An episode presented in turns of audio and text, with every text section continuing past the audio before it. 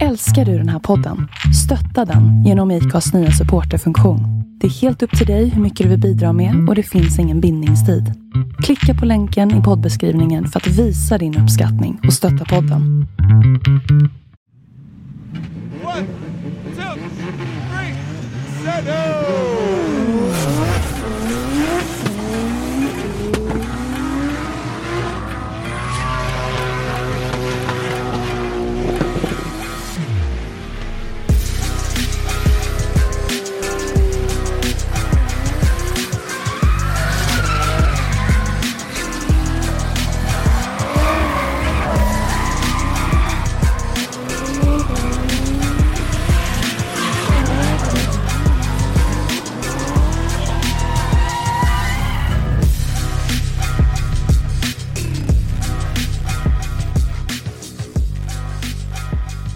Hej och välkomna till avsnitt 150 av Driftpodden med mig Christer Hägglund.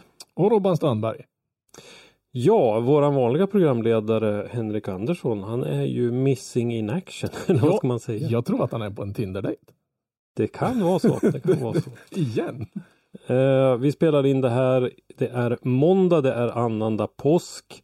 Eh, och eh, vi har eh, upplevt en eh, ganska storslagen helg med eh, Scandinavian eh, Drift Series premiär på Bilsport Performance och Custom Motor Show. Men eh, om ni inte var där och, och såg det så surt för er. Mhm. För vi tänkte prata om Swedish Power Drift Series eh, däckreglemente. Ja, det har ju kom, kommit fram att man får det kommer ju vara i, i den större klassen om vi kallar det för det då, inte streetklassen. Där kommer man få köra med R-däck.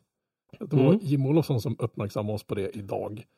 Och det kommer ju resultera, du får ju köra med både och i, i den klassen så att säga. Men det kommer ju resultera i att alla kommer ju i stort sett köra på R-däck.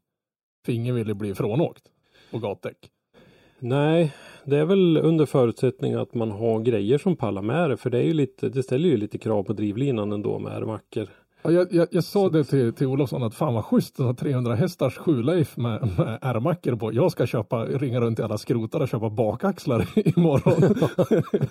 Ja, det får man nog faktiskt ha. Lite. Nej men det, det kommer väl att bli det, för men annars blir det ju det här. äh, Ja, ja, men man vill ju inte bli frånåkt. Samtidigt kan man ju tycka att det är jävligt tråkigt med tanke på att det här skulle vara en gräsrotsserie. Även den, som jag uppfattar det, ska vara båda klasserna Mm. så att säga, ska ju vara en gräsrotsserie. Mm. Och blandar man in R-däck i det där, då känns det ju som att man har missat målet ganska rejält. Ja, det känns väl lite så faktiskt. Eh, Det är ju en tydlig definition som man tidigare har gjort i alla fall mellan RM och SM. Mm. Här är ju bredden reglerad. Ja, den är väl 235 och så är väl Mm. threadwaren är väl 200 ska säga, sånt här. Så det är egentligen Alltså, det är nästan gatdäck. Ja, nej men Mm, ja. Det är ju ganska långt från 315 av Ja. de här som är Jo, James. Dean åker med. Men, eh, men ändå. Mm. Ja, spännande. Eh, men eh, skämt åsido, vi ska faktiskt inte lämna påsksladden helt utan kommentar heller. Ja, Utan, ja, så inte. nej. Ka- Kanske den mest Eh. episka driftingtävling jag någonsin har varit. Alltså den här, Mm. det här, det här, det här, det här säger ganska mycket om, om hur bra jävla tävlingen var. Tävlingen i Fällfors, DMEC. Den var bra, men den kunde fan inte mäta sig med spänningen som var där nere. Den var helt sinnessjuk. Och Mm. nästan så jag skällde på Max efteråt och sa att det här gjorde du med flit din jävel. Tänk på att jag är gammal. Eh, jag försökte att titta lite grann. Eh, jag brukar ju dela med mig ganska frikostigt av, av, av hur det är i mitt liv. Och jag kan dela en liten episod även den här gången. När, när det är såna här lediga helger då brukar jag gärna ta mig en liten lut i soffan sådär på eftermiddagen. Åh nej, du gubbsomnade. Eller? Precis, både jag och flickvännen låg i, i soffan åt varsitt håll och, och tog en lut. Och så kommer min äldste son och säger Får jag låna skåpbilen? Ja visst. Ja, och så kommer han hem efter ett tag och så säger han att eh, det står en eh, B230 turbo med växellåda bak i skåpbilen. Okej. Jaha. Hur ska vi få ut den därifrån? Vi får väl hitta på något. Ja men hur fan fick ni? Ja, men vad, vad då hitta på något? Du måste ju ha en motorlyft eller någonting. Vi, vi kan inte lyfta ut den där för hand därifrån Nej, liksom vi nej. två eller? Nej.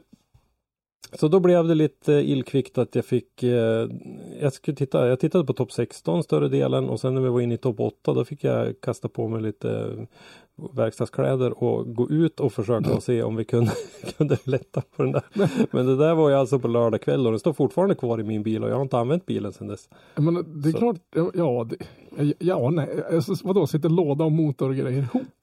Ja, lådan har vi, vi har delat på den Ja. och tagit bort svänghjul och lite sånt där men eh, Ja, det är ju fortfarande Det- det- några kilo att släppa ut. det är en full börda ändå för en som väger 55 kilo och jag som väger lite mer. Och så vill man inte bara, man vill inte dra ur den heller för Nej. den är ju fucka upp golvet och det grövsta och sen när den landar på tråget eller ja, i bästa fall Precis. landar på tråget så är det kanske inte så mycket kvar av det. Ja, nej men så därav så har jag inte full koll på allting som hände i tävlingen. Men jag tittade och försökte att hänga med så gott det gick och jag håller med dig. Det var en, en riktigt bra tävling. Jag har ju aldrig i hela mitt liv varit så jävla glad över att jag haft fel. alltså, ingen av våra, våra gissningar fick ju ens gå vidare tänkte jag säga. Men Vi, vi kommer, jag har en, en egen punkt för det på Okej, slutet i manuset här när vi ska gå igenom hur bra våran tippning var. vad skitbra. För jag, jag kan ärligt, ärligt erkänna att jag har, om, har du gjort någon, någon typ av manus idag? Jag, Absolut. Jag har inte hunnit. Jag har inte ens hunnit kolla på det. Den här dagen har varit så hektisk så det finns ingen hejd alltså. Jodå, det finns. Eh, och jag tänkte att vi skulle börja med lite allmänna intryck. Och eh, jag har förutom det jag såg av tävlingen, det jag har sett som eh, du, eh, Oskar, Dennis, eh, Göran, eh, Mattias har skrivit i våran gemensamma Motorsportmagasinets chatt så pratade jag även en, en längre stund med en eh, person som var nere på tävlingen Mm. idag som kom med lite intryck och sådär. Så att eh, jag tänkte att vi kunde börja med att ta lite allmänna intryck av banan och sådär. Hur, hur det såg ut med, med allting sånt. Jag tycker att banan var bättre än förra året. Alla de förare jag pratade med, de var jättenöjda med, med hur de la om, vad ska man säga, första, första ingången så att säga efter, efter startmål-rakan. Istället för att Mm. gå in direkt ner i den här så kallade skålen så passerar man första svängen och så, ja där man gick ner i fjol och så gick man ner Mm. lite längre bort och det flöt ju Mm. på som fasen och det var ju twin-körning där nere så det redan Mm. i, i liksom efter tre meter så låg det med gnugga plåt. Det fick vi inte se i fjol. Då var det ju frånåknings-SM som gällde. Mm. Så i år, banan i år var helt makalös. Mm. Det enda jag skulle, Ja. enda jag skulle kunna opponera mig mot det var den där byggnadsställningen i mitten på rondellen i överdelen där. Jag tror att den hade någonting med showen och någon, någon trial-åkare att göra men den det hade varit ett sånt jävla snyggt ställe att panorera med och så bara uh, metallskrot. Men det är bara en fotografs synvinkel. Men banan Mm. tyckte jag övrigt var, var lagom utmanande. Den var inte allt för svår. Man såg på träningen var det några som hade svårt i början att få flyt i den. Men sen när det väl satt, då satt det ju för allihopa. Mm. Så jag tror inte jag uppfattade inte som att någon förare tyckte att den var, var tråkig eller svår att köra eller någonting sånt där. Nej, eh, det jag såg såg riktigt bra ut också och eh, sen så eh, Ja, startlistan gick vi ju igenom i förra avsnittet. Det var ju otroligt starka namn med. Oh ja. Så, så Oh, ja. både som kommer att köra hela serien och kryddat med riktigt starka wildcards. Eh, Det var väldigt, väldigt Vi- roligt att gå runt i depån där mellan racen och snacka med alla norska och finska. Jag hann aldrig prata med danskarna någonting. De hade så fullt upp där borta. Men alla, de flesta finska och de flesta norska förare surrade jag med. Det var vilket Mm. jävligt skönt gäng. Så jag Mm. pratade med, med några av de som håller på och rodda på den finska sidan för DMEC-tävlingen. Som är väl lite locals där uppifrån. mm. Och stod och surrade med dem om, och, och både de och jag håller med om att jag tror att det här finalen i DMEC, de hypar ju den som bara den. De har fortfarande inte sett Mm. finsk motorsportpublik på hemmaplan allt jag säger. Så det, det, akta er bara. Ja, det kommer att bli eh, eh, kul, absolut. Men eh, som sagt, kval. Johan Andersson, kvaletta. Mm. Den var ärligt talat, det klart, man, man ska inte säga att man är förvånad, för han är sjukt rutinerad. Men jag, ärligt Mm. talat, jag måste faktiskt använda Efter det. de här dagarna nu så kan man säga att man var förvånad, för det har jäklats en del. Ja, inte bara det, utan han har ju varit borta från, vad ska man säga, high level tävling. Har ju varit borta ett tag. Det var ju, han har ju kört lite event och sådär, men han har inte varit och tävlat på, på, på absolut den här blodiga allvarnivån. Och så bara kliva in och bara, trots de problem, man såg när de postade postat, ja ah, men vi får göra det bästa av situationen och så går han in och bara dominerar totalt. Mm. Jag skulle tro att det var eh, Mantorp Park gatubil hösten 2019 han körde tävling senast. Ja, ja men alltså, han, han gör ju som Skogsby gjorde. Det är bara bevis på att de här gamla uvarna, de har ju faktiskt rutin. Det är lite som att cykla tydligen det här. Han visade inga större tecken på någon, han, han såg ut som att han aldrig hade slutat helt enkelt. Mm. Inte lika konsekvent som han brukar vara dock i kvalet. Han hade 90 poäng på ena rundan och 91 på den andra. Ja, ja men precis, det är fruktansvärt. Det är värdelöst, det får ju fan skärpa sig. Men Ja. eh, det är ju så vi är vana att se Johan Andersson otroligt konsekvent i sin körning. Men, men den här Eh. gången så, så någon, hände någonting som jag aldrig har sett han göra. Han hade en massa skavanker på sin bil efter det här. Mm. Det var ju till och med trasig plast och det var... Den såg Är det lite, plast? Ja, bitvis är det väl plast. Det är väl väldigt Jaha, har han byggt plåt. om bilen? För den har ju varit helt i plåt Jo, men stötfångare och såna här saker. Alltså, jag har Ja, inte ja, sett han tänker så. haft nästan reper på dem. Det har ju varit Mm. före och efter tävlingen har hans bil varit utställningsskick oftast. Ja, ja absolut. Eh, bästa teamet då eh, får vi väl säga blev ju kval 2 kval 3 Tor-Arne Kvia 90 poäng och teamkompisen Sondre Erga 89. Mhm. Eh, två stycken väldigt lika eh, rosa S-chassin. Ja, och det underlättar inte när man står där i stressen heller när det står Kvia Motorsport i nosen på Ergas bil. För det tråkiga när man står på banan med stora hörselskydd är att man hör inte så mycket av kommenteringen. Ja. Det är skitlöjligt. Vi som står lokalt på plats där skickade frågor till de som sitter hemma i soffan. Vilka är det nu? Hur gick det i den här Mm. battlen? Vem var det Ja. där? Liksom. Eh, kval 4. I- Lite oväntat för min del, Mårten Stångberg. Jättekul att se att Mårten har eh, ordning på torpet. Han körde sjukt bra i helgen. Mm. Alltså det, det, jag vet inte vad. Han var den som i mina, mina ögon gjorde den största uppryckningen så att säga. Jag, Mm. jag kan inte komma på att jag sett han köra på det här, nivis, på det här viset någonsin. Och han Nej. såg sjukt taggad ut också. Mm. Hoppas att det håller i sig för att, eh, att Mårten är duktig att köra bil vet vi ju sedan innan men att det har ju ofta varit eh, problem med bilen. Mm. Den här Mercedes CRK är ju som sagt en väldigt stor del i hans varumärke men eh, han har ju även fått kämpa en del för att uppfinna grejer som man hade kunnat köpt på hyllan om man hade valt ett S-chassi till exempel. Men jag, hörde ingenting om huruvida om man hade haft något strul eller någonting i helgen. Ja. Ska jag vara riktigt ärlig. Det, om det har skett så har det helt passerat. Men, men Mm. han såg hela tiden stabil ut. Från liksom träningen och fram till, till, Mm. till, till tävlingsdags så att säga. Mm. Det, var, det var riktigt, riktigt roligt att se. Ja. Kvalfemma Robert Åhäll. Ja. Mörsar på Samma som, poäng som Mårten. som fan som vanligt.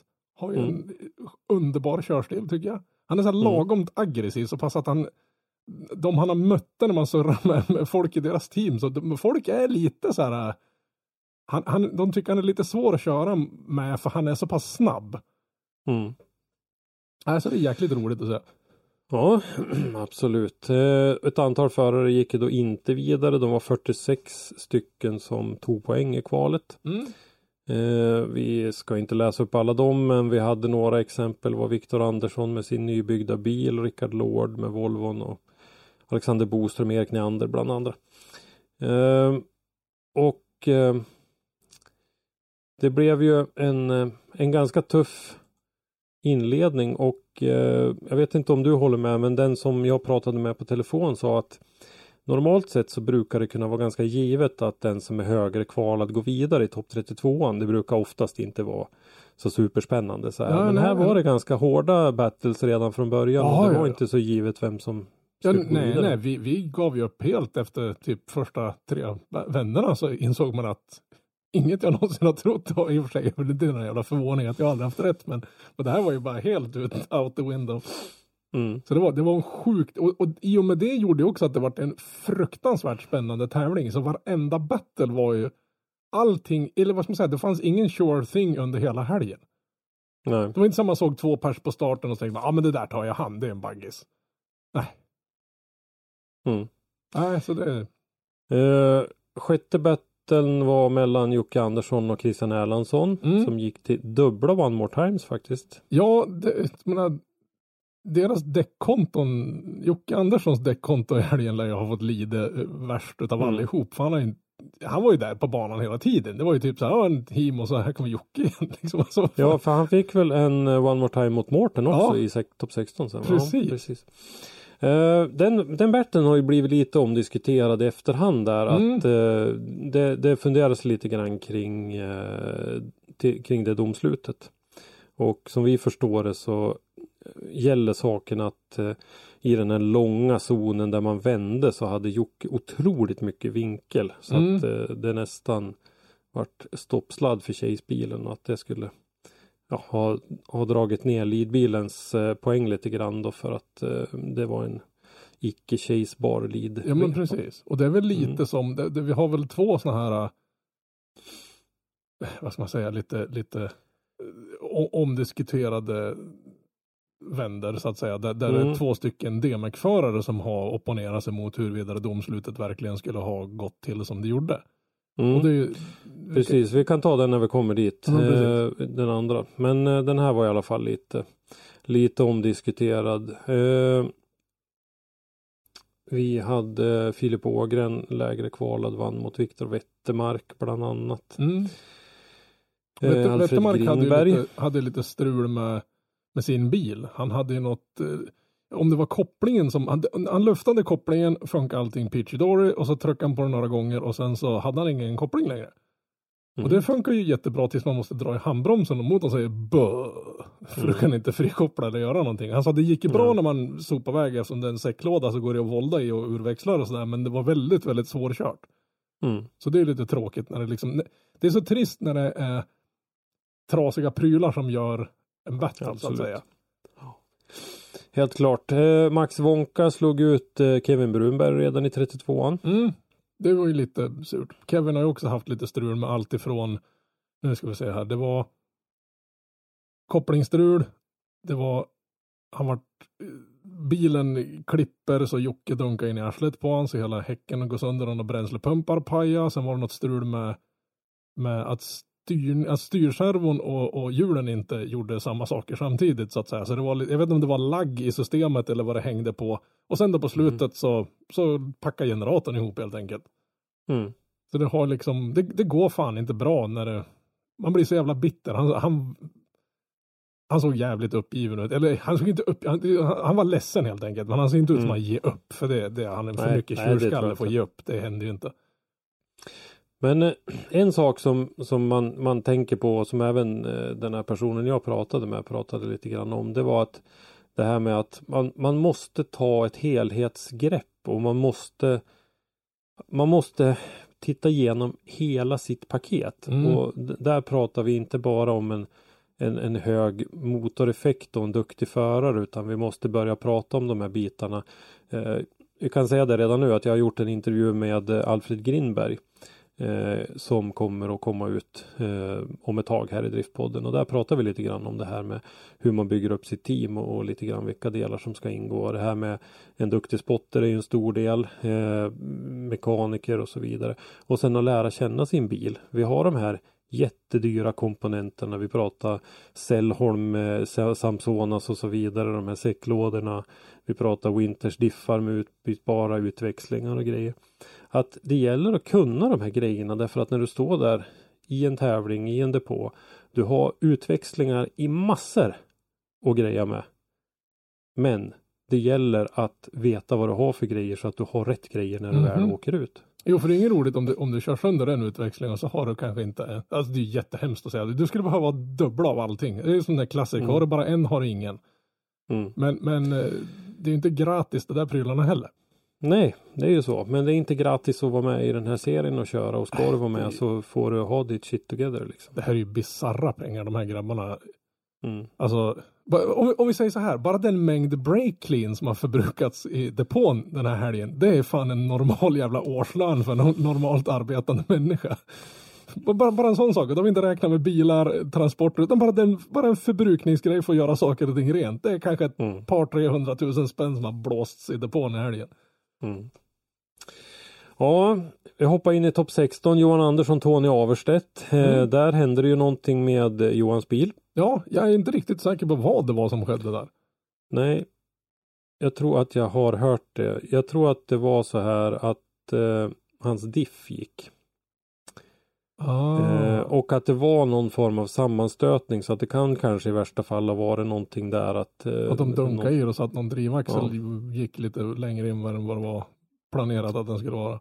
Till exempel, jag vet inte riktigt. Men eh, det, oron för mig då blev ju att eh, han körde ju mot Tony Averstedt och när eh, batten, eller när första halvan av den batten var över då så stod ju Tonys bil och läckte olja. Eller läckte någonting, någon Ja. vätska av något slag. Ja, jag, jag, jag fick aldrig gå fram och fingra på vad det var för olja. Nej, men det var någon, det såg någon ut att vara någon form av olja i alla fall. Ja, det såg ut så. Och det var väl samma veva i fjol också på samma ställe. Och eh, då tänkte man ju att här kommer det att bli då en byrun för Kristoffer Syvertsen eller Jim Olofsson som skulle mötas i battlen efter eh, i, i topp 8. Men eh, faktiskt så eh, fick ju Tony ihop grejerna så att eh, han eh, tog ju hem den där battlen då och gick vidare. Men det är också ett bevis på att även när någonting sånt här händer, då gäller det att ha liksom rätt folk runt omkring sig. Ja. Han sprang ju inte in i depån, slet av sig overallen och skjutsade in under bilen. Precis. Eh, Kristoffer Syvertsen slog ut Jim Olofsson, Mm. kanske lite oväntat tidigt i topp 16 där. Ja, fast det var, man ska inte underskatta den föraren. Jag tror många gjorde det. Han såg, i, i, bör- han var en av de som såg lite svajig ut på träningen. Det tog en liten stund innan han fick det att funka. Men sen, han var nästan tråkigt konsekvent tycker jag. Alltså han, var, Mm. han, han satt den där och sen satt den för han helt enkelt. Mm. Så, så han med Kan det han- vara så för de andra förarna lite som det är för oss? Att vi har ju ganska god koll på de svenska förarna, återväxten Mm. inom, inom svensk drifting. Men det kommer ett antal nya namn ifrån Norge som vi inte känner till någonting överhuvudtaget om. Där är ju Kristoffer Syvertsen en av dem. Ja, fast jag tycker i helgen så satte han ner flaggan och förklarade att här är jag. Mm. Så nu, Mm. det, det är någon vi får hålla koll på. För jag tror inte Absolut. han, är definitivt inte någon borträknad kille där inte. Nej. Eh, sen så hade vi Mårten Stångberg och Jocke Andersson eh, Mm. som som sagt gick till en One More Time då innan eh, Mårten gick segrande ur den. Yes. Och sen har vi Robert Åhäll mot Olav Haugen Hasdal. Olav Haugen Hasdal är också en sån här eh, inom citattecken ny förare för mig. Men han har man ju känt till tack vare att han har haft eh, det här unika Mercedes-bygget under Mm. ett antal år. Eh, den här lilla A-klass heter de. Men, men, ja, men, men han körde bra hela helgen tycker jag. Mm. Ja, Jag tror han har hållit på och kört en del eh, tidigare men han Mm. jag, har, jag har inte sett honom jättemycket. Men det är det som är så roligt med året också. Det dyker upp människor man inte hade förväntat sig. Eller ja, vi vet ju ingenting om dem så vi kan inte ha några Nej. förväntningar på dem. Och så är det sådana förare som man, man tycker att ja, men det här är någon, någon liten nykomling och så Mm. vidare. Och så bara klev de in och bara Ja, det, var, det, var det, det var liksom en del av tjusningen i helgen. Att man var, det var så många överraskningar på ett positivt sätt. Mm. Eh, nästa Bertil då var den du var ute efter misstänker jag när du pratade nyss här. Eh, där Tor-Arne Kvia mötte Filip Ågren. Mm. Eh, och där Filip blev påkörd av Tor-Arne och eh, körde en 90 graders vinkelrät murträff. Ja, den tog... Det såg inte så fruktansvärt ut. Jag fick en ganska schysst serie. Jag stod inne i den där loopen bakom Mm. grävaren. Så jag såg aldrig påkörningen. Jag hörde den inte ens när jag stod där. Så jag tänkte, Mm. och bromsade han på sig eller var det någonting som sket sig så, så han gick rakt in i muren? Hade han ingen styrning kvar eller någonting? Men tydligen så hade det väl varit så att, jag vet inte, jag kollar på live nu, då ser det ut som att han får en ganska extrem vinkel in där. Ner Mm. mot den här lilla svackan som är ner mot, eh, ja vid stallet där. Mm. Och det kan väl vara det som gjorde att Kvia inte hann med den extrema eh, temposänkningen som skedde där. Så han gav en Han- bre- bredsida på, och det börjar ju med framhjulet. Det kan vara en påverkande del. Eh, för Tor-Arne Kvia har ju en otroligt snabb bil och Mm. är en snabb förare. Så att det, det ska vi också väga in i det här. Oh ja. Eh, sen om eh, Filip då fick lite för mycket vinkel. För att Tor-Arne har ju gått ut på sociala medier och sagt ärligt att han inte är nöjd med bedömningen av den där situationen. Ja men, det, det kan jag ju förstå. För jag menar, sådana där extrema hastighetssänkningar som det blev. mm, Det ju- jag menar, han, han är väl van att sånt sker inte, sånt gör man inte. Och det är väl en annan sak på den, i den här serien så att säga. Det är ju Mm. alltid liksom en, en nytt sätt att bedöma och det är många nya förare som kanske inte kör på, den, på det sätt man är van. Och de här har väl inte Mm. battlat så mycket med varandra nej, tidigare så att säga. nej. Och så var de Nej. kanske bra jäkla taggade också. Ja, absolut. Eh, sen vet inte jag, nu, nu är jag ute på, på natten is igen, Nej, men det är ju det, det, är det vi är kända för.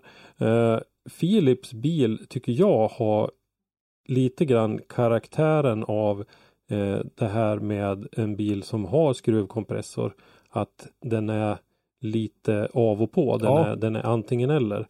Eh, det diskuterade jag också här på, med, med min vän på telefon tidigare idag att det, det där är någonting man ser även inom andra sportgrenar där, där de där används. Så att de är det- väl det- ganska explosiv igång och sen vad ska man säga, så, så tar det stopp på en gång när du släpper. Det är inte så att den, Mm. den, den Nej, sak, sakta liksom Nej, eh, varvar ner så att säga.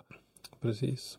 Om det kan ha någonting. Mm. Eh, vi ska inte spekulera mer i det där men det var en absolut en, eh, en situation som har blivit omdiskuterad i efterhand i alla fall. Ja, det var väl det, det, den tog ganska illa den där och så är det väl att den rakt på nosen rätt in i den där hårda, för man, när man gick bakom och tittade så ser man att muren hade flyttats ett par tre centimeter i alla fall och det där är Mm. ganska rejäla. Så det finns ju två olika nivåer eller höjder på de här och det där är en sån här mur som är i bröst, eller hakhöjd nästan. Så det är Mm. något rejält med vikt. Och då Mm. hade väl sabbat väl allt som satt innanför plasten fram. Han fick väl tydligen nästan inte ens upp huven när han kom tillbaka in i depån. Mm. Ja, han fick eh, ihop bilen i alla fall till slut. Mm, det var mycket sådana här biltema skidremmar, sådana här spännremmar som höll Ja. fast saker och ting där under.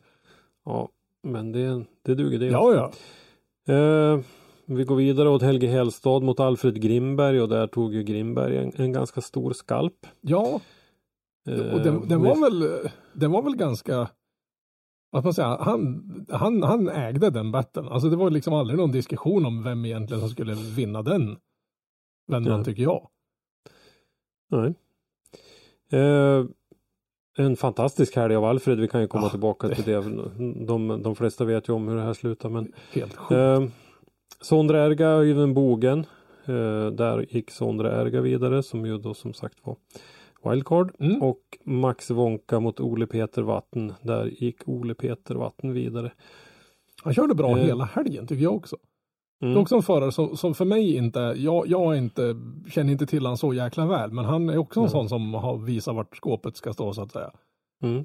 Ja men det är en som jag har sett några år i alla fall ute och eh, men inte gjort något jättestort väsen av sig. Så det är för, I tävlingsdrifting på högre nivå så är han absolut eh, eh, ganska ny tycker jag.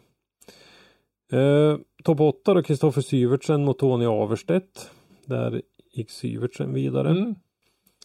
Eh, Mårten Stångberg mot Olav Haugen Hasdal. Där gick Olav vidare. Eh, Mårten avslutar ju en, en, ändå en fantastiskt fin helg tycker jag där. Ja, ja verkligen. Men det var ju ungefär där som, som luften började gå ur den svenska publiken. Ja. Vi kommer det, för det vart ju nästan en, en, en, en Sverige, Norge-Sverige-landskamp innan det här var över. Liksom. Ja precis. Eh, Filip Ågren eh, fick ihop bilen som sagt och stod då och fick möta Alfred Grinberg. Mm. I in- intervjun som jag gjorde med Alfred så eh, berättade han att Filip hade dock inte fått till bilen helt hundra. Nej, Så att eh, den, den gick inte riktigt som den skulle. Så det var en, en kämpig battle för Filip och eh, Alfred vann och gick vidare där då. Eh, sista battlen där, Sondre Erga mot Ole Peter Vatten. Där vann Sondre Erga. Gick, gick till topp fyra där vi då alltså har tre norrmän och en svensk. ja, och då tänkte Mm. alla skit. Ja, Fan, jävla, jävla Norge tänkte alla där. och så var det någon norskar som spelade någon, någon låt i depån om att de kan, kan köpa hela Sverige om de vill. Det tyckte Ja. jag sög lite. Ja, ja Kristoffer Syvertsen stod då mot Olav Haugen Hasdal och det var Kristoffer Syvertsen som drog längsta strået där. mm. Och Sondre Erga mot Alfred Grinberg. Och eh, där blev det också en ganska händelserik battle. Eh, där eh, de eh, stötte ihop lite grann och Alfred eh, skickar ju bak eh, hela hjulupphängningen var Ja, ju på det- fel ställe och fjädern eller vad heter det, Ja, det- dämparen var av och ja men precis, för rätt vad det var. Och det sjuka är att det, det var en så liten touch. Alltså det var inte någon hård Mm. smäll, för det så var väl så att lidbilen gick ut lite i gräset på i ingången till sista runden på, på skålen, vad man kan säga, när de körde något fel håll så att säga. mm, Och, då, och det, det gick så fort och det var så lite och man, man hörde knappt något, något uh, touchljud så att säga. Och så bara helt Mm. plötsligt var det bara ett jävla skrapande och Grimberg blev stående där och man ville bara packa och gå hem. Och så gick man dit och tittade, då står bilen på vänster framhjul och laddluftkylaren. Mm. För höger framhjul, den, han hade något annat för sig den kvällen. Han, Ja. han tyckte det där sög, det där med drifting, han, det var inget för han tyckte han. Och där då så fick ju Alfred eh, skälig tid på Mm. sig och som vi vet så är ju skälig tid 10 minuter. Ja. Och ingenting annat. Ja, nej, nej precis. Eh, Men det var också lite oklart. Skulle det vara, först visste ju inte vi som stod där runt omkring eller publiken heller, vems var felet? Var det här bara en Mm. race incident eller, eller för det var ju indirekt eh, Grimberg som körde på den andra bilen. Mm. Sen mm. varför, det, det, det stod ju inte klart för alla som inte såg att han var ute i gruset så att säga. Eftersom det var ju, vid den här tiden på dygnet var det ganska mörkt där nere. Och allt Mm. som skedde utanför de här belysta zonerna, det var ju becksvart. Mm. Så då, det var ju väldigt eh, mycket mumlande och spekulationer om det här skulle gå till. Och det var ju gissningar hit och dit och det var teorier om att här får man inte någon, någon, någon skälig tid för det här är ju snart final och det ena och det sjunde och det, det var Mm. Ja, det, det blev ju lite så det avgjordes tyvärr då för att eh, Alfred fick ju skälig tid på sig men Sondre som ju också hade blivit lite skadad i Mm. det där. Han bedömdes ju som vållande i det där då. Men han fick ju inte ta sin fem minuter Nej, tack vare att det var uppe i topp fyra. Och det är det som är lite surt en sån där gång. Kan man ju tycka. Men det Ja. ska ju ändå väntas och det ska ju ändå skruvas. Ja. Alltså, Nej, Alfred beskrev ju, han var ju helt lyrisk när han kom inrullande till depån där så stod det ju ett, han dels själv otroligt rutinerad måste jag säga, Alfred. Då ringer han till sin mekaniker under tiden de lastar bilen. Ja. Kryper han in under och tittar vad är det som är trasigt, ringer sin mek, plockar fram de här grejerna så att det finns redo. Ni kan höra mer om det där i, i avsnittet med Alfred senare. Eh, så att fick ju massor med hjälp och var enligt egen bedömning ute på banan igen efter någonstans kring 6-6,5 minut. ja, det, var, det, det, var, det, det höll ju nästan på att bli en farlig situation där. För alla tänkte att men det här tar väl en kvart. Så folk gick omkring och surrade skit och stod vid murar och grejer. Och sen Mm. hör man åh, vrålar någon om att någon står på starten och nu ska det köras. Så tänkte vi, ja men då släpper de någon annan battle eller något under tiden. Och sen kommer en gul bil åkande och alla bara va? Hur fan gick det där till? Mm. För, för när, när man kikade in i julhuset, det såg ut som det var bara kex där inne. Jag tänkte, här tar väl en halvtimme och ens Ja, kom, jag trodde inte heller att det Nej. skulle gå. Men bara det faktum att de var tvungna att åka efter sopmaskinen och sätta en strapp i bilen. För, eftersom det står på laddluftskylaren så kan de inte släpa upp på den här skämsplankan för då lämnat Ja. laddluftskylaren kvar. För den här plankan är väl 3-4 centimeter hög minst i alla fall. Mm. Så de fick lyfta upp den och in med en domkraft så de kunde, ja, ah, det var en Mm. jävla. Vi har ju som sagt varit ett, ett räddningsteam och en funktionärshög som jobbar på de här tävlingarna som är helt enastående. Alltså de gör ett Mm. sånt makalöst jobb så det går inte med ord att beskriva. Snabba och eh, effektiva är de. Ja, men och, som- eh, Som när Ågrens bil stod och började brinna. Jag tror det var gummi som började brinna där mest bara. mm, Som hade hamnat på August. Jag menar, han hann ju knappt få stopp på sin bil förrän det där var åtgärdat. ja. Ja, fantastiskt. Eh, kul att se Mm. eh, sådana där funktionärer i arbete. Eh, hur som helst Alfred Grindberg vidare då till finalen. Eh, och först då så körde tredjeplats battle mellan Sondre Erga och Olav Haugen Hasdal. Och eh, tyckte inte jag var något större snack eh, att det Nej. var Sondre som, som tog den. Den var väl en av de här som liksom var, ja, all, alla var väl överens om att det var in, ingen Mm. har någon, säkert någon åsikt om den där tror jag. Nej. Syvertsen, Grindberg i final. Mm. Grindberg börjar i chase eh, och eh, tycker jag kör en riktigt, riktigt bra chase. Ja, det, det där måste ju ha varit en typ 97-98 poängs eh, vända som han fick följa. För det, alltså leadvändan var ju, som sagt var, det går inte att göra en bra chase om det inte är en bra lead. Precis. Eh, när Syvertsen skulle chasea så tyckte jag att eh, Alfred gjorde som sagt otroligt bra leadåk, vilket krävs. Mhm. Jag tyckte dock inte att Syvertsen var tillräckligt nära. Nej, han, Eh, han, på han ett kändes, par ställen så fick han ordentlig separation jämfört med vad Alfred hade haft. ja, han, han fick ju liksom kapa ganska mycket, men det kändes som att Alfred hade genom hela den vändan en mycket, mycket högre hastighet. Mm. Så att han bokstavligt talat körde ifrån han. Och det gjorde han ju även i sin, sin battle innan där också. Så han ju också hängt av. Han har, en, han har fått en jävla fart i den här bilen nu helt enkelt. Mm.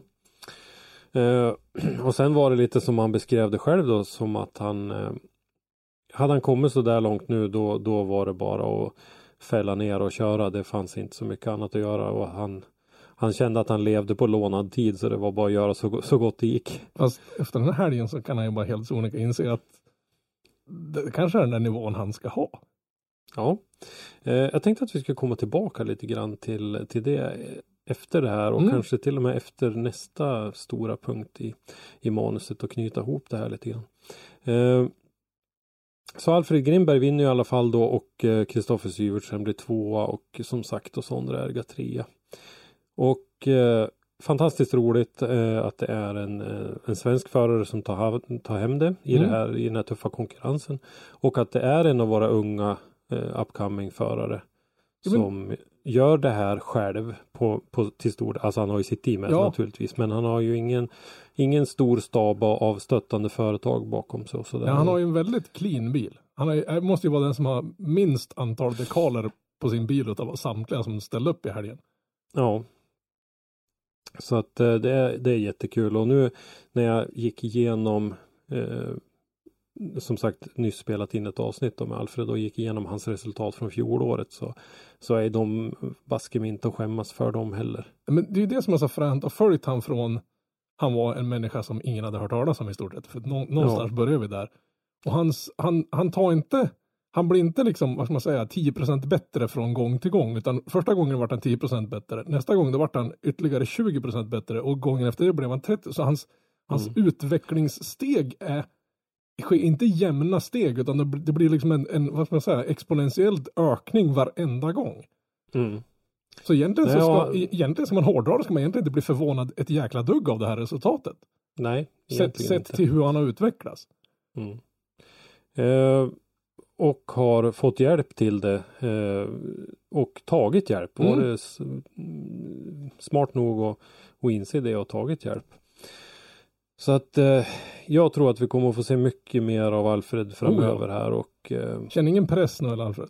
nej, det är, nej, men det är jag, jag, menade, jag menade att han behöver inte känna någon press att han är någon dagslända heller därför att han har hela förra säsongen Ja, eh, och luta sig tillbaka på också. Två sjätteplatser och någon eh, jag kommer inte ihåg exakt, det var det nionde och något sånt där som man hade under fjolåret här. Så att det, det finns gott om, om, om bra resultat och han, han slutade ju i, i den där tuffa eh, SM-tabellen så slutade han ju på en, en åttonde plats innan det var färdigt med jämna höga poäng.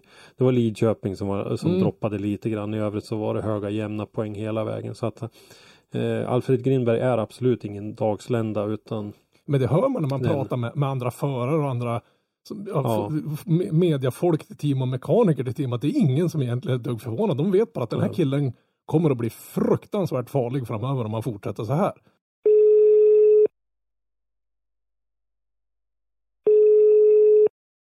Stort grattis till eh, segern i påsksladden Alfred Grimberg. Tack så jättemycket. Eh, den mest klassiska av alla sportfrågor men hur fasen känns det här? Det är helt overkligt. Det är så grymt det här. Ja. Det Nej. var ju inte riktigt eh, rakt på heller utan det var ju lite eh, problem efter vägen och sådär. Ja, det är det som känns så bra. Vi fick verkligen kämpa för den här vinsten. Eh, och motståndet var det ju inget fel på heller, verkligen inte. Nej, det, det var helt otroligt. Det var så kul att köra. Men det är så mycket duktiga förare. Mm, Man verkligen kan gå all in från början. jag förstår det. Och mycket publik på plats var det också. Ja, jag tror det. Jag var så fokuserad på att köra. Ja. Eh, hur, hur rankar du det här i din egen idrottskarriär? Ja, det här är ju toppen. Mm. Helt otroligt. Eh, jättekul och grattis som sagt igen och vi kan väl säga redan nu att vi kommer att bjuda på ett eh, avsnitt med dig där vi går in lite mer på vem du är och eh, vad du har gjort fram till eh, det här så kommer det att spelas här i Driftpodden ganska snart det också men för nu så säger vi grattis igen och eh, tack så länge. Tackar, tackar. Ja, eh, jag tänkte att vi skulle prata lite, som sagt så kommer vi att knyta ihop det här med Alfred efter eh, nästa stora punkt i, i eh, programmet. Men eh, vi går över och pratar och funderar lite grann kring våran tipsrad. Måste, kan vi inte bara ignorera att den överhuvudtaget har skett? Eh, det var så här att du Ah, efter kvalet så såg det ju ganska bra ut för din del får man Ja. ändå säga. För du hade ju Tor-Arne Kvia, Johan Andersson och Jim Olofsson då. Jag vill ju- Jag ville bara säga att det påpekade jag för samtliga som stod i min närhet. Ja. efter, efter, efter den vändan att kolla här nu. Det här har jag tippat. Check this out. Eh, Johan Andersson kval etta som sagt, Jim Olofsson kval nia. Eh, Kvia blev ju då på en tionde plats, Johan Andersson nionde och Jim Olofsson fjortonde. Men eh, du var ju eh, Minst bäst sämst. av oss i alla Ja, fall. jag var ju minst värdelös kan jag säga. För bra, Eh. bra var ingen av oss. Jag hade Andreas Övergård som etta. Han kvalade 25 och slutade 25 och åkte ut i topp 32. Jocke Andersson som tvåa. Kvalade 13, blev 15. Rickard Lord som kvalade på en 44 plats Mm. Och alltså inte gick vidare till stegen. Nej, det var, var jag faktiskt lite förvånad över. Jag vet inte om det är någonting Mm. som strulade med hans bil i helgen. Det kan så vara. Eh, Henrik hade Johan Andersson kvaletta som sagt nionde totalt. Tony Averstedt kval sextonde sexa totalt. Tony gjorde en bra tävling tycker jag. Eh, Ole Mårten Davanger trea kval 48 och inte plats i stegen men däremot en krasad motor med sig hem.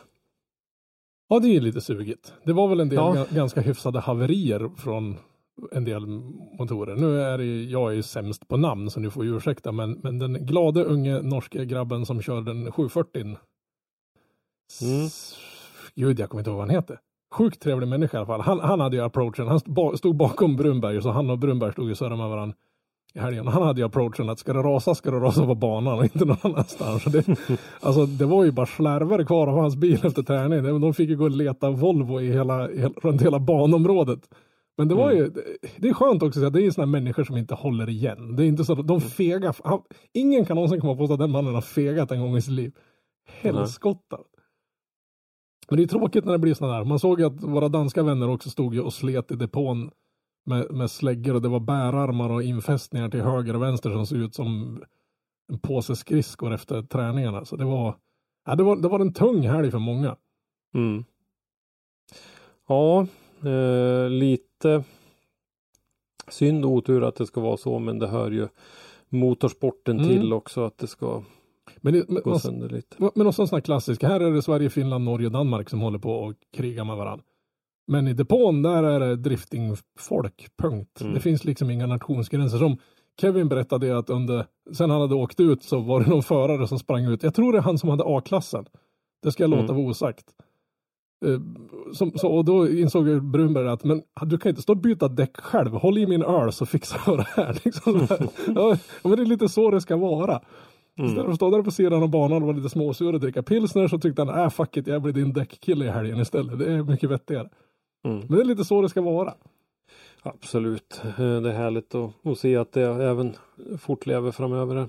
Det var ju lite partande där på helgen också. Det var väl en del tvivelaktiga groggkombinationer som, som, som, som, som dracks där. Men då, absolut och break clean var väl kanske inte Ja, jag hörde talas om Ja, den det där. var- Jag vet inte vad den heter. Jag tänker på de här i, i, i Glennkillinge manegen, White Rush- Hashibashi och, och White Russian. White Christmas. Ja, White? Christmas var det. Ja, Explorer och Tippex Ja. och sådär. Men den där med, med Absolut Vodka och Break Clean, Ja, den tror ja, jag det- aldrig jag det- har hört talas Det om. var en del andra saker också som vi inte ska ta upp on air kan jag säga. Det, Mm. för, för då, nej, ingen vill fortsätta lyssna på det här kan jag säga. Det, och det är Dennis fel. Ja, Alltid Dennis fel. ja, ja allt är Dennis fel. Eh, men hur känner du dig? Är du nöjd eh, med eh, helgen i Jönköping förutom att du fick hälsa på syrran? Ja, om vi säger så här att eh, min, min favorittävling utav alla driftingtävlingar jag sett som har varit fränast, det var den Demek i Fällfors. Den har numera klivit ner till plats nummer två. För Mm. helgen här nere var, bortsett från att en, en, en, det skedde en enorm skandal den här är bortskämdhetsklubben. Vi har ju akkrediteringar, det finns ett pressrum. Och ett pressrum utan kaffe, det får ju vara ursäktat, det är ju bara ett rum helt enkelt. Så vi hade ett rum här. Jag var bitter som fan. Jag frågar hur många personal som helst där om, brukar det inte vara kaffe eller någonting sådär där uppe? Eller åtminstone muggar som man kan dricka vatten ur kranen där uppe. Och alla bara, ja men är det slut? Nej det har aldrig funnits något. Ja men då ska vi fixa det. Och det pågick i tre dagar och det dök aldrig upp något kaffe kan jag säga. Oj då. Ja, det, så det var jag lite bitter över. Jag, jag lider ju av en sån här extrem koffeinberoende. Anybody want coffee? I'm making coffee. Anybody want? Come and get it. Who wants? You want coffee? Who wants coffee? Men det gick ju att lösa genom att gå ner och köpa kaffe i restaurangen under som för övrigt hade en episkt god amerikansk barbecue som Göran lurade på mig att käka så man behövde inte äta något mer på ja, jag äter väl någon gång nästa helg. Väl ungefär då först. Nej, nej men nej, Ja, det var hela arrangemanget runt omkring. Eh, som vanligt, de som roddar med den här tävlingen, det är bara trevligt kul folk hela gänget. Inklusive Mm. besiktningspersonalen som går runt och smygkramar eh, samtliga i depån, annat tråkigt. Och så. Ja, ja, men det är liksom, det, det är bara, bara, bara ett skönt gäng liksom. ja, det är lite personlighet. Men det, ja, men det är ett jättebra arrangemang. Jag måste säga att jag är, de, de går från klarhet till klarhet. Som jag såg det då från livestreamens håll så var det ju bara två som roddade hela tävlingen och det var ju Linus i starten och Hampus Lundgren. Det var ju de enda vi fick fast, se. fast Re- Rescue var ju med lite grann också. Ja, just det. Ja, Rickard såg jag faktiskt. Rickard har ju svart bälte och lyfta saker som inte har lyftugglor nu mer. Jag hoppas att han gör ett bättre jobb. Min, min eh, gamle far han var med och störtade med en eh, Piper Super Cub en gång för Det, eh, det är dumt. 40 år sedan ungefär. Eh, landade på en eh, is, eller inte på en is utan på en skare och så sjönk eh, flygplanets hjul ner efter ett tag och eh, flygplanet slog runt och blev liggande upp och ner. Och eh, då beställde man bärgning på det där och då gjorde de en löpsnara runt bakkroppen och så kopplade de en stropp i varje vingspets. Okej. Och sen lyfte de och då så sa det! Ja, men- och så såg den ut som en kråka som hade fällt ner vingarna och så var bakkroppen nästan avklippt hur- av den där löpsnaren. Hur, va? Ja. Hur jävla kass var den killen? Han kan ju aldrig ha sett Ja, ett flygplan i hans liv. Han eh, var ingen vidare helikopterpilot. Ja, nej, nej, det är tydligt. Men eh, jag tänker mig att sådana misstag gör ju inte våran Rickard. Nej, nej, det känns inte som det. Han har väl jobbat på sig lite rutin vid det här laget. Mm. Det var någonting mer jag tänkte säga, men som jag bara helt sonika bara... Jo, åh, vi måste ta upp det. Eh, tack, ni som rodda drönarbilderna. Från botten av mitt hjärta ett enormt tack på livestreamen. I, år, I fjol tjatade vi om att jag skulle jättegärna vilja ha en sån här overhead view så man verkligen kan se hur alla bilar, för det är jättefränt med race-drönare och såna grejer, men han hinner ju inte alltid med att hålla rätt avstånd ifrån bilarna och så vidare. Det är lite mer action-grej, så man får ibland missa man, ibland ser man ju bara typ höger hörn på Chase-bilen, du har ingen aning vad som pågår bakom. Men nu har de en statisk drönare som hänger x antal meter upp i luften. Den hängde så högt så jag noterade inte ens att den existerade. Så när jag kom hem till Sundsvall igen tänkte jag, ah, jag måste se, jag ville se segerbatten. För jag vill se den från alla vinklar. Så bara, men vänta här nu, min, min drönarvy är ju med. Men det jag menar är, dels så, så skär ju den ner på vilda spekulationer hemma i soffan. För där kan allihopa se bilarna rakt uppifrån och själv vara med och avgöra vad som faktiskt hände. Men ytterligare så är, kan ju det här även ge lite feedback för förarna. De har ju en helt annan möjlighet att kunna se sin run och vinklar och sådana saker. Hur nära murar och hur nära lead versus chase-bil och så vidare de ligger. Så det kan ju vara en Mm. jäkla hjälp till, till utveckling för föraren också. För här har du en grej som, jag menar hur många team har en drönare som hänger 100 plus meter upp? Det skulle Mm. vara trafikstockning där uppe. Marcus Stenmark, det här tacket var till dig. Ja, verkligen. Det var så sjukt kul att kolla på. Ja, det, det är magiskt. Nej men det var fantastiskt. Det var lite problem eh, tekniskt ett tag med eh, livestreamen. Det var lite hackigt med sändningen ifrån eh, eh, racedrönaren. Mm. Eh, det var lite svårt med bildproduktionen ibland. Man blev hängande kvar. Man bytte till ny kamera alldeles för tidigt. Och det, jag, jag, det kändes att det var första eventet för säsongen lite grann. Men, men ur så här Men- sändningssynpunkt i övrigt så har det faktiskt varit ett helvete att lyckas ringa med en telefon där nere i helgen. Så Mm. det har nog kanske varit generellt bara tjockt på all form av nät och ibland så dippade Mm. Elmias nät ner till 0 megabit och sådana saker. Mm. Så det kan ha varit en ruskig trafik där. Eh, vi hade engelsk kommentering. Mm. Eh, mycket internationella tittare såg man Ja, i livechatten. Det var Eh, jättekul så att se. eh, Det där är nog en, en bra grej. Jag, menar, nu- vi har ju jag, behöver på... inte säga, jag behöver inte säga så mycket om kommenteringen i övrigt. Hon den är nya var trevlig. Ja. Mm. Funkar jättebra måste jag säga. Ja. Och jag är så glad att ingen av dem försökte bli Formula Drift av det här. Det var liksom min lilla farhåga när jag hörde att det här skulle vara engelsk kommentering. Så bara, får jag höra några sådana här konstiga smeknamn på förare och sådana grejer, då kommer jag klippa Mm. någon internetanslutning bort. Nej, men nej, det, det där funkade jättebra. Det var lite ovant, men det funkade bra. Mm. Och sen, framförallt så är det ju, med, med tanke på nivån på förarna som vi har nu, så är det ju faktiskt en del förare här som är internationellt intressanta. Som Mm. Kvia bland annat och sådana killar. Ja men precis. Så- och- och, så och kunna nå ut. Ja men precis, det lockar ju en, en mycket större publik och framförallt från Ja. andra länder. Så det ska bli Och kul det, att... jag såg det var någon som skrev eh, som hade fått upp det där som var intresserad av drifting och fick upp det där som rekommenderat klipp Ja, på Youtube och eh, gick in och tittade. det Och det, så kommer det vara naturligtvis. Det kommer ju att vara superbra. Jag hoppas att de även lägger lite pengar på annonsering Mm. eh, för att nå ut till sådana. För att det här kommer att kunna nå ut över världen och fortsätter vi hålla den här nivån på tävlingarna. Då kommer det här att gå jättebra tror jag. Ja, det här spöade ju en FD-helg. Alltså ur, ur livestream-synpunkt så har ju Mm. FD ingenting att komma på det här kan jag ju säga.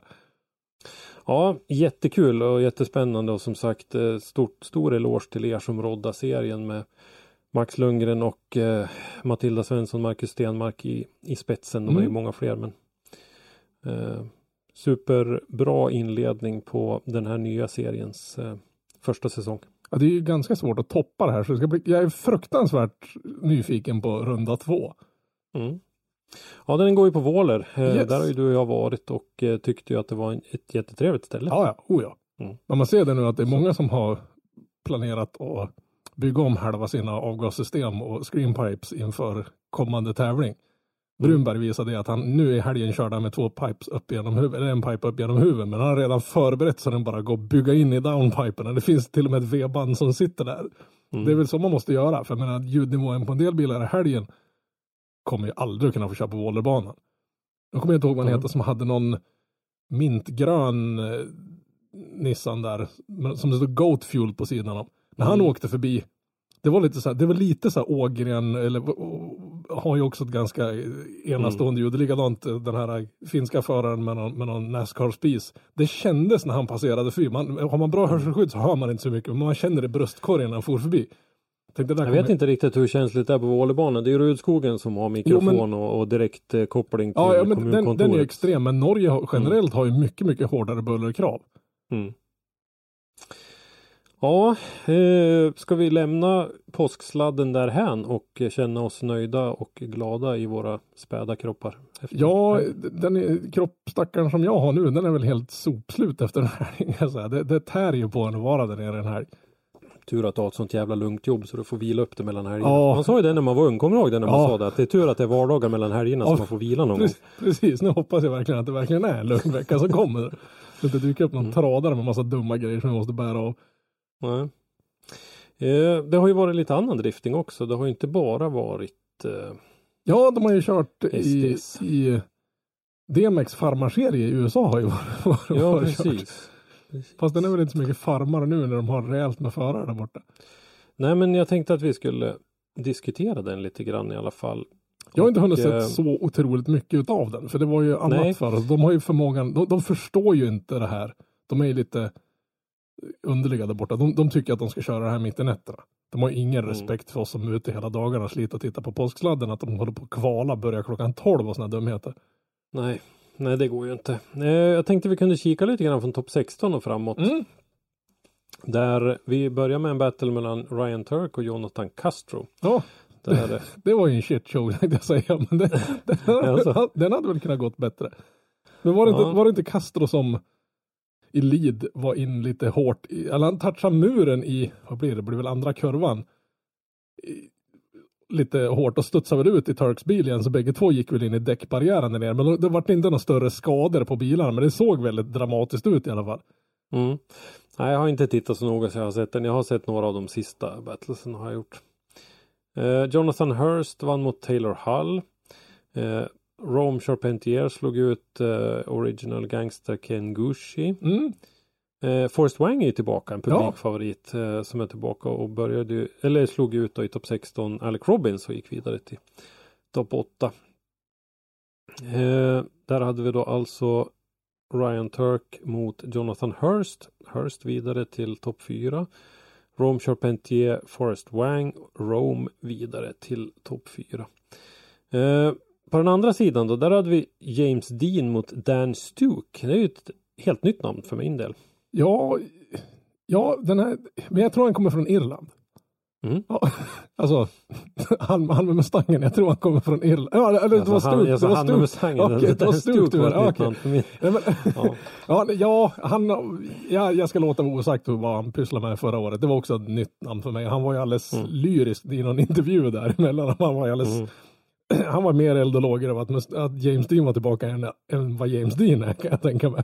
Och, Okej. och det, han sa i den intervju att man hade, han hade, så fort han hade hört det, liksom, Åh, du och jag ska köra en battle, du och jag ska köra en battle, han var alldeles till så, och så fick han göra det. Mm. Och det var väl inte bara, bara en battle, utan det gick väl bättre än vad den killen hade kunnat förvänta sig. Det var väl en one more time om jag inte helt ute och, Mm. och jiddra på där. Ja, Dean gick vidare till slut i alla fall. Ja. Eh, nästa där då hade vi Fredrik Åsbö mot Trenton Beecham. Åsbö vidare. Eh, Chelsea Denofa, Simen Olsen, våran eh, norrman nummer två. Vi har ju tre stycken här. Eh, Denofa vidare och Matt Field mot eh, Dean Kearney, Matt Field vidare. Så i topp åttan då på den här halvan så möttes ju James Dean och Fredrik Åsbö då, de gamla titelkombatanterna från eh, 20, vad var det, 17, nej, 18, 17, 18, 19 va? Ja, jag tror det. Någonting borde det vara.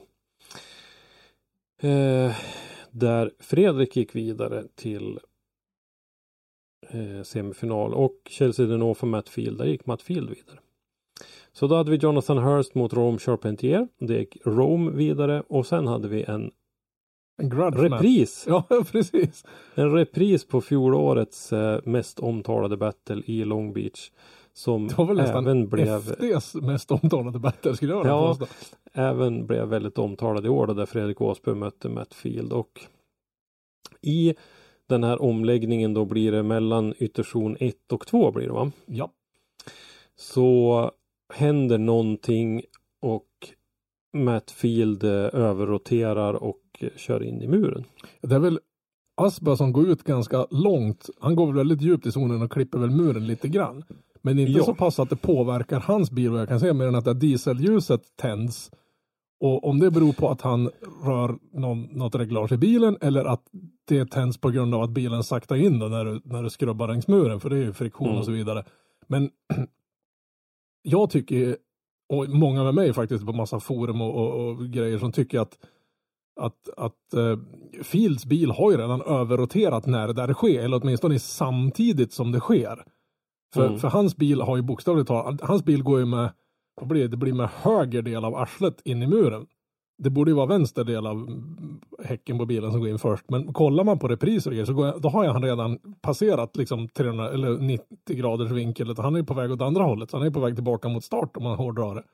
Mm. Men likt förbaskat så får ju han eller blir det ju Aspa som åker på det där?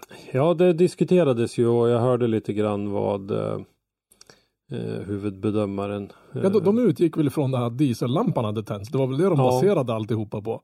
Men sen läste de inte in lite mer telemetrier också så att de kan väl ha sett lite grann vad han hade för läge på gasbil. Ja, ja det, det är mycket väl. Men det, det får ju vi aldrig veta. Och den här appen som de släppte, den funkar ju som kyss med, ja. Den funkar Mm. inte jättebra kan jag säga. Nej. Ja, Matt Field blev eh, i alla fall, eh, han fick ihop sin bil och Fredrik blev ju dömd som vållande till det där då och eh, i den andra halvan av den batten så gjorde ju båda två ett riktigt bra jobb. Ja. Jag. Fredrik gjorde ett riktigt, riktigt bra lidåk men, men Matt gjorde ju ett helt hyggligt eh, tjejsåk Ja. också och då naturligtvis vidare på det då. Det finns ju liksom ingenting att klaga på där egentligen. Nej. Eh, så finalen då kom att stå mellan Rome Charpentier och eh, Matt Field. Det var väl inte Eh. direkt så här så att man hade satt någon större summa pengar på just den finalkombinationen Nej. om man så säger. Det första jag skulle vilja säga är att jag vill inte se några fler BMW E36 här. Nej, nej, det börjar bli lite. Det Nej, men måste for fuck's sake, man kan inte köra i en serie där vi ska försöka att få stöttning av biltillverkare med en bilmodell som gick ur produktion för 20-25 år sedan. ja, nej, den är lite gam, lastgammal den där. Ja men vad, det finns väl ingen, ser du någon touring car serie någonstans i Europa där de kör med så här gamla bilar? Ja, Det, f- jo, för sjutton. I har, vad? ja, i historic racing. Ja, i Ja, historiskt. det, det, är väl- ja, tack. det, det är väl där de hör hemma. Ja, men eh, det var nu jag tänkte vi skulle knyta ihop säcken lite grann därför att eh, en likhet mellan ettan i eh, påsksladden och SDS deltävling 1 och eh, Alfred Grimberg och tvåan här i Formula Drift Rome Charpentier är ju att de har jobbat väldigt hårt med en förarcoach. Mm. Och har utvecklats en hel del av det och eh, de har ju dessutom då använt samma coach. Eh, Olof Eriksson som vi har gjort ett avsnitt med eh, tidigare. Och eh, en sak som, eh, jag pratade som sagt då nyss med, med Alfred Grimberg och eh, en av de grejerna som han sa var ju att han under den här säsongen, han har inte gjort jättemycket med bilen. Utan han har haft fullt fokus på att träna sig själv som förare. Och det har han gjort dels genom att simdrifta väldigt mycket och kört en hel del eh, på is. Både hemma, Katrineholm och även eh, uppe i Skellefteå hos Olof Eriksson. Mm. Eh, de har kört träningspass, de har fokuserat på olika delar och de har varit väldigt noga att analysera. Jag ska inte avslöja allting, ni får lyssna på avsnittet med Alfred men, men eh, det är ju ändå en, en ganska rolig eh, sam, ett roligt sammanträffande att det går väldigt bra för de här killarna som, som satsar. Eh, och jag tror inte det är många i den svenska elitdriftingen som har en förarcoach. Nej, men kollar man på alla andra elitmotorsporter så har de ju det. De har ju alltid, de har ju Mm. till och med en, en, många team har ju till och med en, en, en kock med till. Alltså en, en, en näringsfysiolog heter det väl. Mm. Och så vidare. Men, men eh, träna fysik. Det är inte bara att gå och sätta sig i bilen och köra. Du ska ju orka göra det också. Mm. Och det gäller att ha liksom bra fysik, men framförallt att liksom ha någon som kan, kan hjälpa och stötta dig. Dels både mentalt och även på rent tekniskt och teoretiskt. Hur det, liksom, det är enda sättet att ha att kunna utvecklas. För, för gör du det bara på egen chans utan någon feedback utifrån, då, då är det nästan så jag skulle vilja sortera in det under lite tur. Alltså, Ja, absolut. Och, och där tycker jag att man ska separera också eh, spotterns uppgift under tävling och förarcoachen. Mm. Därför att de har inte riktigt samma uppgift. Nej, Eh, nej, nej, nej. Spottern han ska vara bra och ge feedback direkt. Han ska kunna hålla koll på de andra eh, och lite, lite andra grejer. Han har, eh, lite, man kan dra lite paralleller med ishockeyn där, jag- där jag har min bakgrund. att det, Nödvändigtvis inte den bästa eh, tränaren som, som kommer med spelidéerna som är den bästa att stå och att coacha laget under matchen i, i båset. Nej, men det är ju två skilda eh, aspekter av det hela. Så att, du, Ja, du, båda vill ju uppnå samma resultat så att säga. Ja, men, men, men, det, man, det, är två lite helt olika olika, egenskaper. ja, men helt som- o, två olika i stort sett tillvägagångssätt. Ja. Så att eh, jättekul att se att det går bra för de här killarna som, eh, som har börjat att ta in de här intrycken. Jag tycker det är riktigt stort av en, en sån kille som Alfred att visa att han, han är verkligen villig att satsa och som du sa gått runt och frågat eh, lite ta intryck av andra och sådär och är öppen. Men det, och, det, är ju, och även det är bara ett bevis på att man verkligen vill nå, Ja, nå längst upp. Det, det är inte som man gör här. Han, han, I helgen bevisar han verkligen att han gör inte det här bara för att det är kul. nej, För mycket av det han har, har genomlidit för att komma hit var säkert inte speciellt kul. Nej. Så att säga. Men, men han satsar ju 200 procent på att bli så bra han någonsin kan bli och gärna och när han väl har kommit Mm. dit så vill han bli ännu bättre. Det känns inte som att han har, har satt något mål än. Många av de här killarna och tjejerna som håller på med det här, de, de jobbar, sover och håller på med bilen.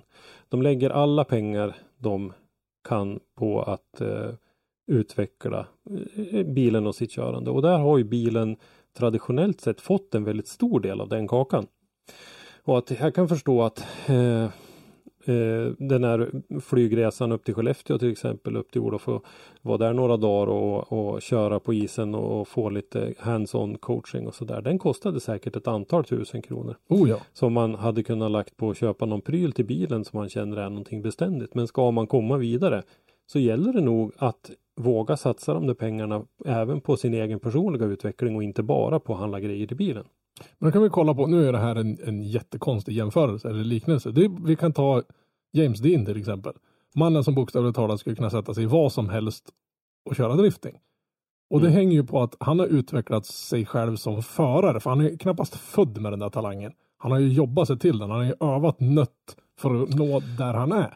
Och det är bara ett Mm. bevis på att när han går, åker och sätter sig i en bil på andra sidan jorden som har en helt annat koncept. Det är liksom, den har fyra hjul och sen slutar liknelserna. Och ändå Mm. lyckas leverera. Då måste det Mm. vara ett tecken på att hans approach med att liksom träna och, och nöta bokstavligt talat, det är sätestid igen då. Ja, Och säkert och där, han har ju, det har vi ju sett i hans Youtube-kanal att han har ju kört mycket på den här eh, åkern eller läggdan eller vad det är Ja, som ja. de har. Eh, Och på den lilla att- gokartbanan han har nöter hela tiden. Ja precis, senare tid när han har fått riktiga bilar men även tidigt med, med de vanliga standardbilarna på den där åkern och, och sladda med, med bröderna Shanahan bland annat som man har visat upp den där. Så att eh, det, det är otroligt viktigt så att jag hoppas att fler kommer att hitta dit eh, framöver. Och vi pratar om det här med utveckling av av teamen. Vi pratade om det med Micke Johansson bland annat lite grann det här med jantelagen och att eh, ska jag tycka att jag är bättre än dig att, att låta Andy ligga under bilen medan han sitter och tittar på Youtube-klipp. Liksom. Mm. Det, är, han ska lösa sin uppgift. Ja. Andy ska lösa sin genom att hålla bilen i skick och sen hade vi Alex i det teamet som, som spotter som ska lösa sin uppgift. Och man måste acceptera att det är så det måste vara. Jag såg på tal, på tal om det att föraren inte ska göra någonting. Jag gick förbi Filip Josenssons bil när de höll på att rodda med hans låda för han hade haft något problem med dogboxarna eller dogringarna i lådan. Så stod han där och så mekarna typ sa väl åt honom att du ska stå där för du, du har ingenting med det här att göra. Det här sköter vi. Och så låg de på, på backen i kylan för det var kallt som satan där i helgen. Och så hittade Filip såg att det låg några delar kvar på en bänk där. Så det var ju det de hade bytt ut. Och de bara, ah fan glömde vi att skruva ner det där. så skitbra. Han står som en fiolsträng och är jättenervös. Men det är också en sån här team som där föraren i stort sett egentligen inte ska behöva göra någonting. Ja. Men det, det är ju liksom den approachen man behöver ha för att liksom lyckas med det här. Ja men det är ju faktiskt det och att eh, man som sagt får acceptera att de andra och de andra ska vara li, lika dedikerade till sin uppgift som, som vad föraren är och även man kan tycka att föraren får en stor del av, av framgången när det väl blir framgång.